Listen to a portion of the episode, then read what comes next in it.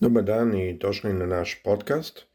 Pozdravljam vas sve iz e, Srbije, odakle radim ovaj podcast. Zato malo kasnije jer e, skoro sam doletao, sad sam u Srbiji Moltene, 24 sata. Tako da radujem se da sam u zemlji da sam rođen i u zemlji gde e, sam naučio prvi jezik, to je srpski, ali kao što znate, moj srpski sada više nije ono što je bio možda nikad nije ni potpuno bio nešto specijalno, ali sam otišao kao dete i um, ostala je sada priča koju mnogi znaju, a to je da engleski mi je puno lakši nego srpski. Ali želim da podelim s vama neke iskustva koje sam uvidio, koje sam shvatio, um, observacije koje su još uvijek sveže, e, da vas ohrabrim da gospod je taj koji radi bilo gde da se nalazimo. Kao što neki od vas znaju, moja supruga i ja smo kupili kuću i dvorište, to jest prostor, zemljište ovdje u Srbiji i radimo na tome da izgradimo ovdje jednu bazu, jednu misijsku bazu i jednu crkvu. Ne dajem previše informacije zato što ipak ovo se sluša na više mjesta i još uvijek ta informacija nije skroz poznata svima, niti je u javnosti. Ali radimo i nalazimo često kad dođemo u Srbiju, jedna stvar što shvatim, što vidim je e, vraćarstvo. Sila tamna, drugčije radi ovdje. Ne bi rekao da je jača nego u Americi ili slabija, ali bi radije rekao da je drugčija.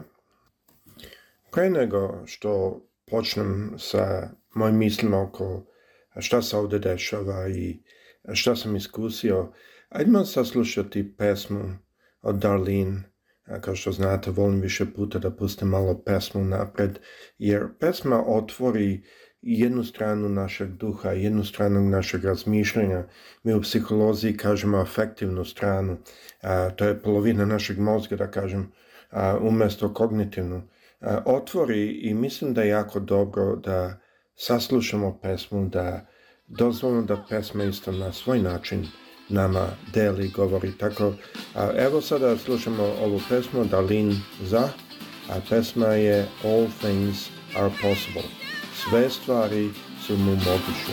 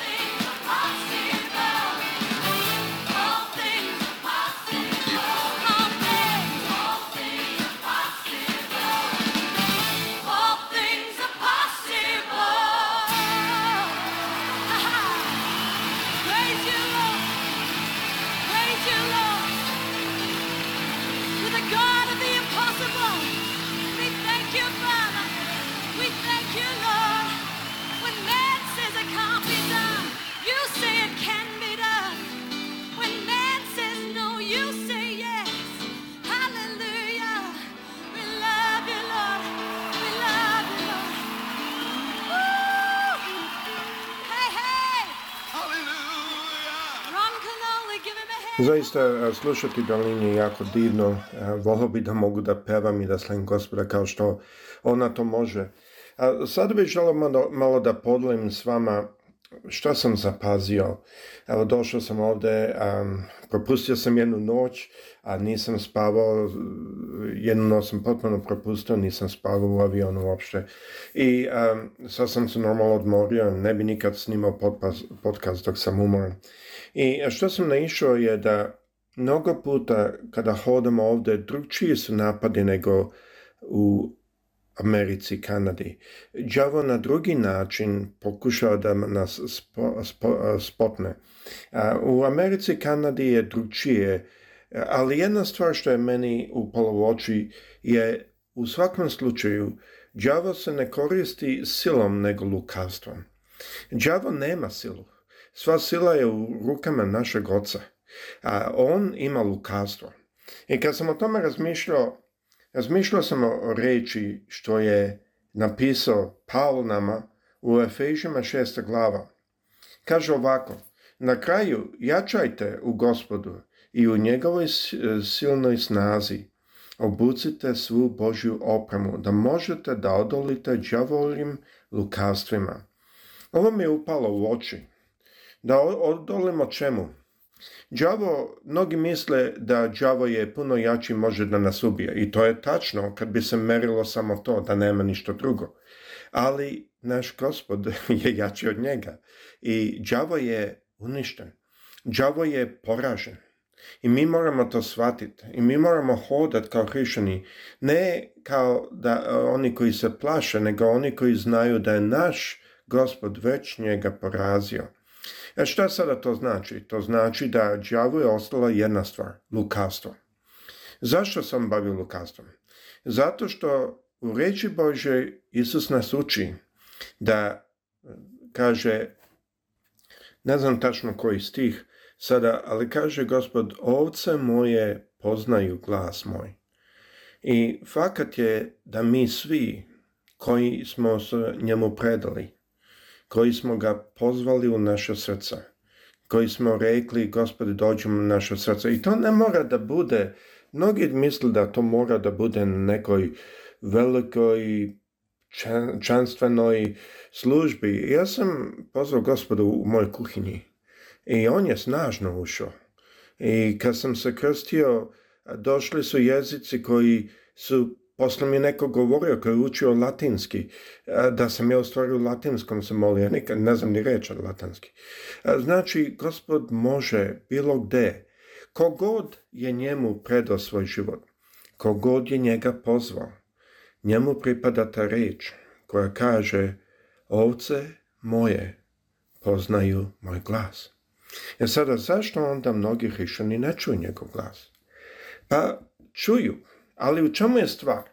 On neće mnogo puta nama da govori kao kako govori čovjek sa audio, to jest vibracija vazduha, sa audio glasom.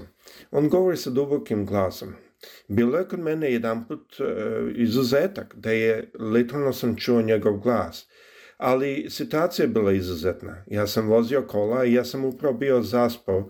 Bio sam na autoputu i pored mene u liniji desno od mene je bio kamion.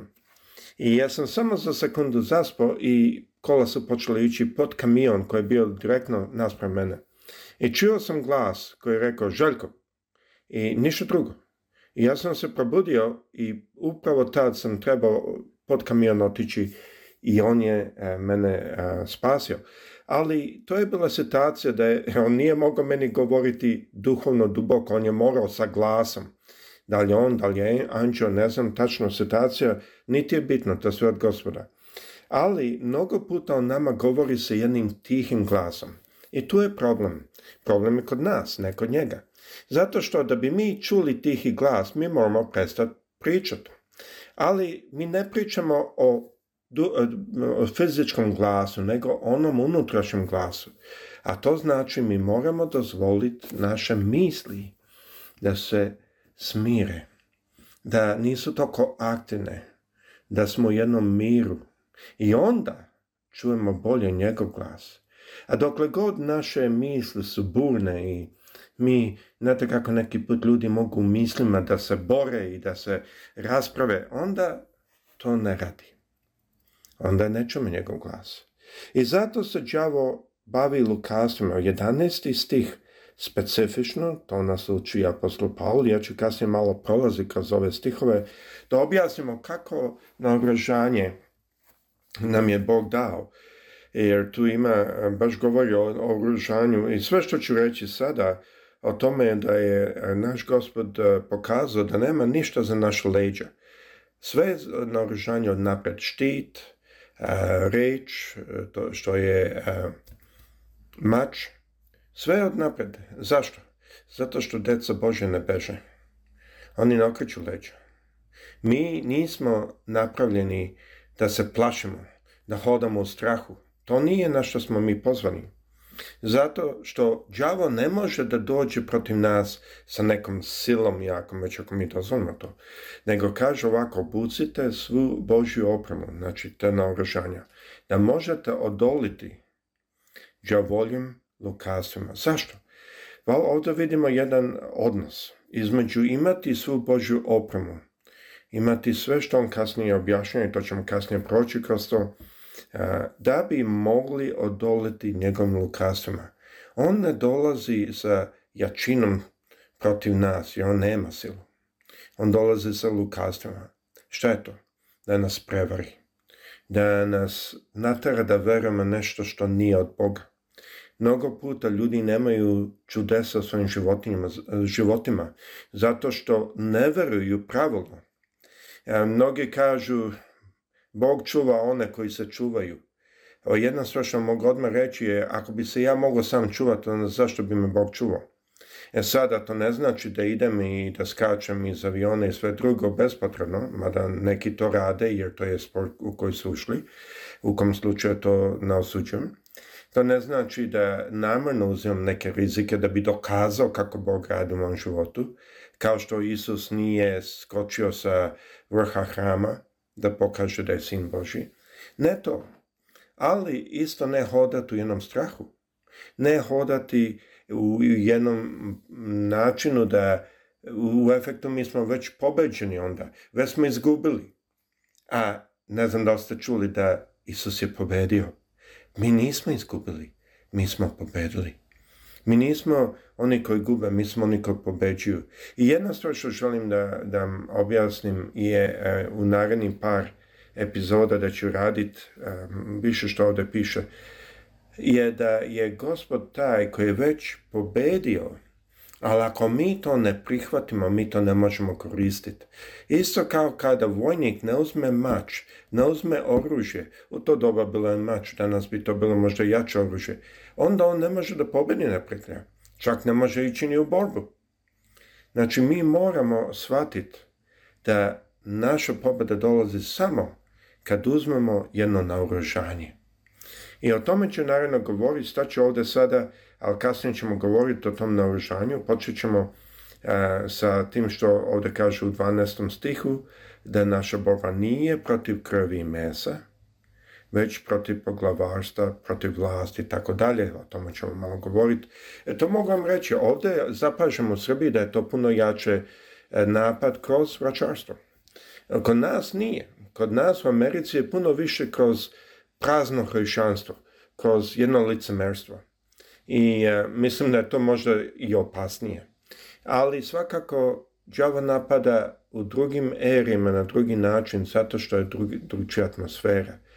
I to je razlog zašto naše hrišanstvo i hrišani rade neki put u drugim zemljama. I to ne znači da mi moramo uvek menjati kako stvari rade u Americi. Ne, nego mi moramo slušati glas onoga koji, u koga verujemo.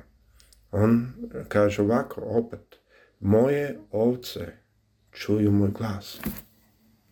Obaću da pročitam ovdje u Jovanovom evanđelju 27. stih kaže Moja ovce slušaju moj glas i ja ih poznajem i one idu za mnom.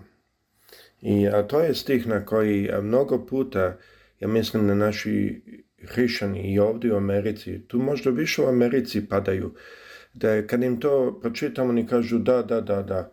I onda ih pitam, pa li čuli njegov glas? Pa nije, ne misli se to baš da čuješ njegov glas. No, Zašto ne? Zašto ne, ako smo mi njegove ovce? Se ne bi trebalo da čujemo glas. Ali zašto mi trebamo čuti glas? Je da bi mogli mimo ići lukavstvo koje đavo želi, u koje đavo želi da nas ubaci i da nas prevari.